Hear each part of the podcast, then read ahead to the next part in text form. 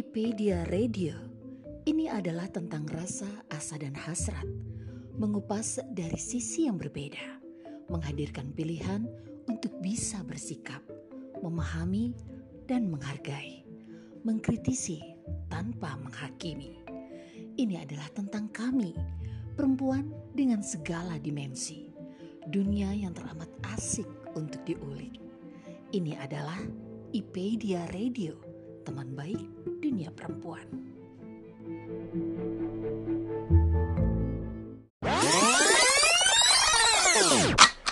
Waduh, pertanyaannya ini dalam banget. Ya terakhir itu pas pas dia pasang ventilator ini itu terakhir. Kalau saya sih suka nulis itu sebenarnya sejak kecil. Uh, saya mau order buat ulang tahun uh, ibunda Bapak Jokowi Februari yang kemarin itu. Itu juga yang dibilang sama ibuku. Hanya orang-orang terpilih yang bisa menjadi suami MS. Serius masih ya. di Rusia berarti tas-tas itu? Iya betul. Kok Bu Mauri nekat-nekatnya sih bikin komunitas? Mereka berbagi tentang dirinya, tentang dunianya. Perempuan-perempuan keren yang penuh inspirasi. Ikuti obrolan seru mereka hanya di Kata Hati, IPedia Radio, teman baik dunia perempuan.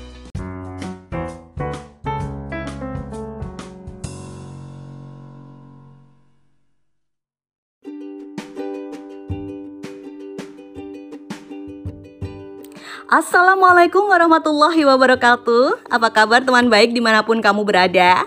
Berjumpa lagi dengan Desi Irawati di Kata Hati episode 103 Nah teman baik tentu kamu udah nggak asing ya dengan kata-kata flexing atau pamer ya. Nah atau kamu malah suka flexing di sosmed Hmm, hmm, hayo hayo. Fenomena flexing ini memang semakin marak aja saat hadirnya sosmed.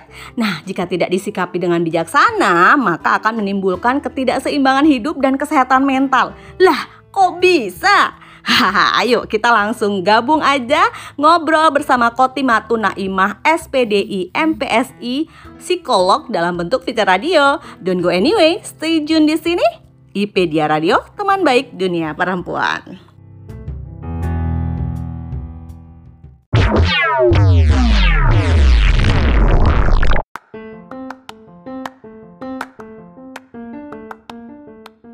Dewasa ini fenomena flexing di sosial media marak dipertontonkan oleh netizen. Lalu, apa sebenarnya arti flexing? Kalau mengutip kamus bahasa Inggris Merriam-Webster, istilah flexing memiliki berbagai arti. Namun dalam konteks sosial dan budaya di sosial media, flexing sebenarnya mengacu pada perilaku seseorang yang memamerkan, menunjukkan kekayaan dan kemewahan yang dimilikinya. Sebelum mengulas lebih lanjut, yuk kita cari tahu dulu apa tujuan flexing dan pendapat psikolog tentang budaya flexing ini. Bismillahirrohmanirrohim. Mencoba untuk menjawab pertanyaan tentang flexing nih ya mbak. Flexing itu sendiri kalau dari istilahnya itu adalah pamer ya Ataupun bisa memamerkan show off lah kayak gitu. Nah ini mungkin banyak sekali tujuannya. Bisa jadi satu mau berpromosi apa yang mau di apa ya dijual ataupun disampaikan. Yang kedua bisa jadi memang ada kondisi di dalam diri seseorang yang memang ingin memamerkan sesuatu agar bisa dihargai ataupun agar bisa diakui gitu ya kalau dia memiliki itu atau dia bisa mencapai satu pencapaian tertentu.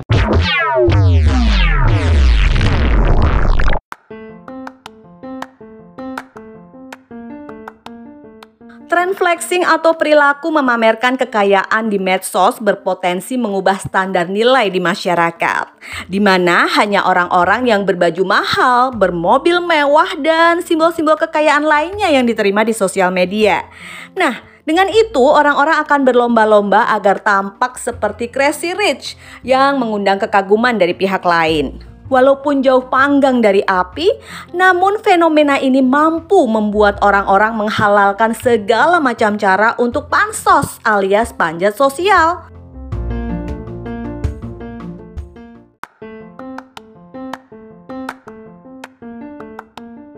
Nah, tak lain untuk menunjukkan eksistensi mereka, mempertegas posisi seseorang di lingkungan masyarakat, dan juga meningkatkan rasa percaya diri.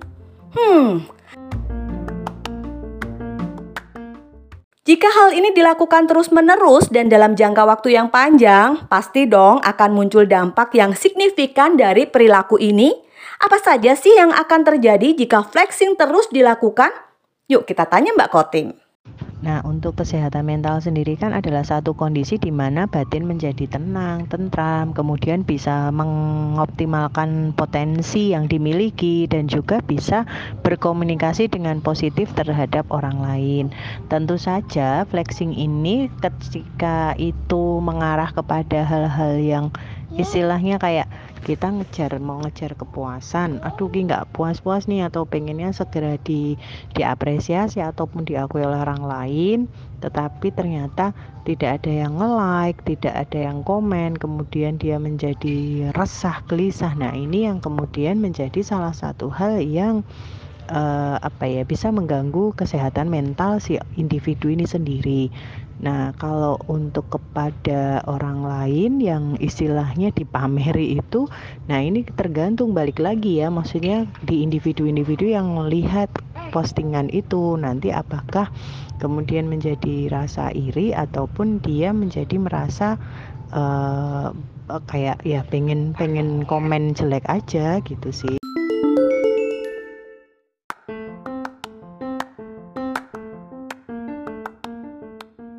Aktivitas flexing seperti yang dilakukan para pejabat seperti Rafael Alun, Andi Pramono, Eko Darmanto, hingga Kepala Dinas Kesehatan Provinsi Lampung, Ibu Reihana, serta para artis konten kreator, vlogger, hingga masing-masing dari kita pun bisa loh membuat ketimpangan sosial Nah, buntut dari perilaku flexing para pejabat pemerintahan di media sosial ini menyebabkan netizen tuh beramai-ramai memburu para pelaku flexing. Ini adalah sebagai bentuk perlawanan mereka ya atas perilaku flexing yang menambah gap sosial. Apalagi nih di tengah carut marutnya perekonomian Indonesia.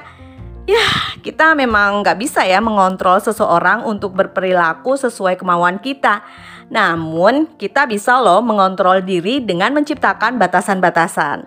Nah, bagaimana cara menghadapi flexing ini? Yuk kita tanya Mbak Kotim. Kalau kitanya sudah matang secara emosional sebenarnya ya santai-santai aja sih, santai-santai aja. Tetapi ketika kita mudah terpancing isu-isu tertentu ya mungkin kita akan gampang kepancing ya. Maksudnya kan kepancing, aduh ini oh kok orang sukanya gini gini gini ya? Itu yang perlu sebenarnya kita kendalikan bersama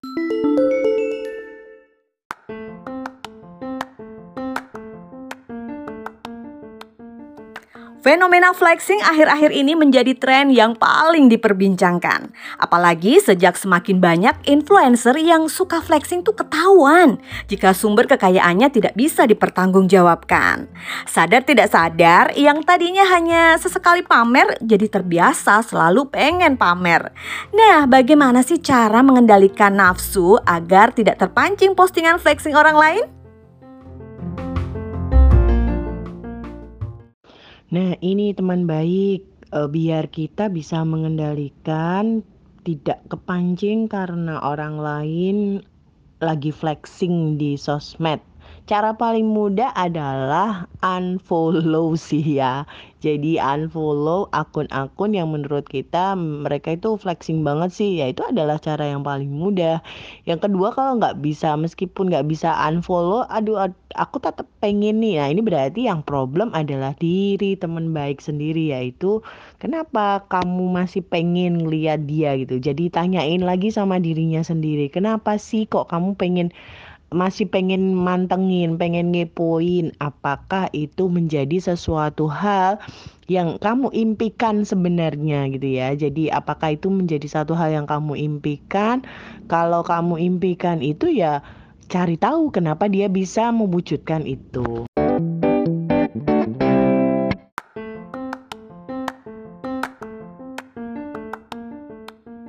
Jika kita mau mengkaji lebih dalam dampak dari fenomena flexing yang digunakan untuk pamer kekayaan, tentu hal tersebut sangat merugikan diri sendiri maupun orang lain ya. Nah, oleh karena itu, sebaiknya kita mengetahui cara menghindari agar kita tuh nggak terjebak pada fenomena flexing ini. Yuk, kita simak penjelasannya.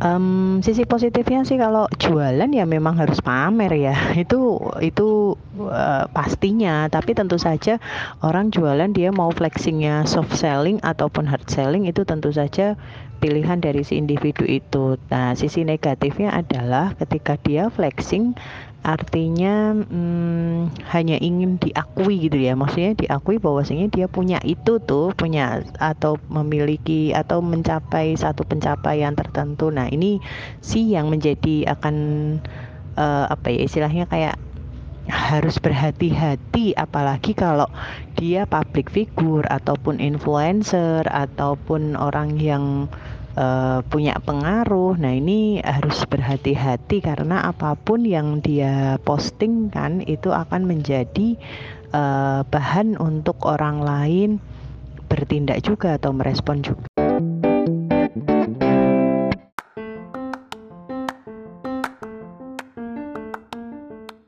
Fenomena flexing bagai pisau bermata dua. Jika kita menggunakannya dengan cara positif, tentu hasilnya sangat baik ya. Nah, saat ini keberadaan flexing kerap digunakan sebagai metode marketing oleh suatu perusahaan untuk memasarkan produk-produknya dan juga untuk menjaring calon konsumen tentunya. Nah, terlepas dari itu semua, jika flexing digunakan untuk memamerkan kekayaan pribadi, bisa jadi loh akan mengundang kejahatan oleh oknum-oknum di sosial media yang gak bertanggung jawab. Apalagi ya sisi positif dan negatif dari fenomena flexing ini?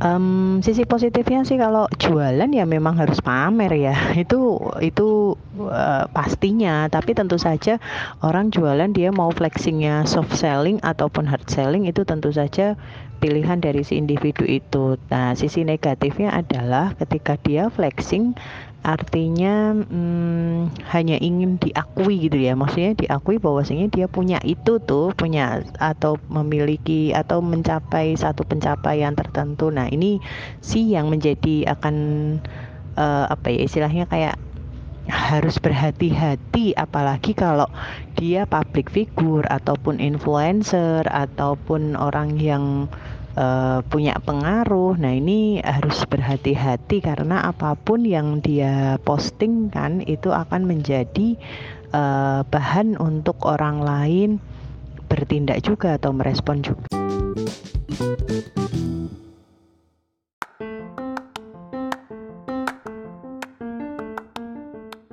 Sebenarnya fenomena flexing tidak menjadi masalah ya selama hal tersebut tidak berlebihan. Memang segala sesuatu yang berlebihan tentu berdampak buruk. Nah, flexing tidak hanya memamerkan, namun juga sebagai pencapaian suatu usaha. Jika dikemas dengan baik, tindakan ini bisa loh menginspirasi orang lain. Namun, jika tidak sesuai porsi dan tidak sesuai esensinya, maka flexing bisa menjadi hal yang tidak baik. Nah, sebagai penutup, apa nih pesan-pesan yang ingin disampaikan oleh Mbak Kotim? Ya, kita tetap uh, kembali lagi ya kembaliin aja ke niatnya. Kalau niatnya flexing ini hanya untuk uh, menunjukkan bahwasanya kita memiliki ini loh atau kita mencapai pencapaian ini loh yuk kita review ulang lagi sebelum ngepost. Tapi kalau kita memang niatnya flexing tuh buat jualan maksudnya gini oh aku punya barang ini nih aku bisa beli. Kayak misal jadi affiliate affiliate ya so atau silakan selama teman-teman bisa memahami konsekuensinya dan siap untuk menghadapi segala resikonya. Begitu teman baik.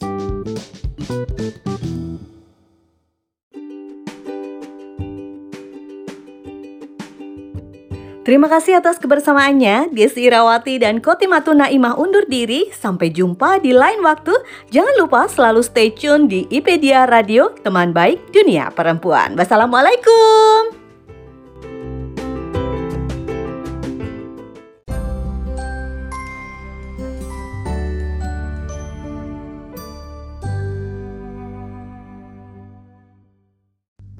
Terima kasih telah mendengarkan episode kali ini. Tetap stay tune di IPedia Radio, teman baik dunia perempuan.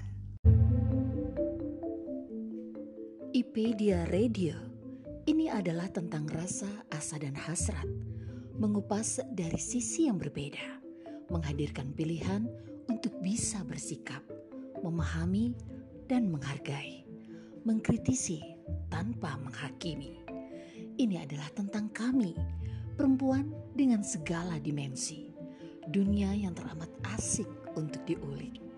Ini adalah IPedia Radio, teman baik dunia perempuan.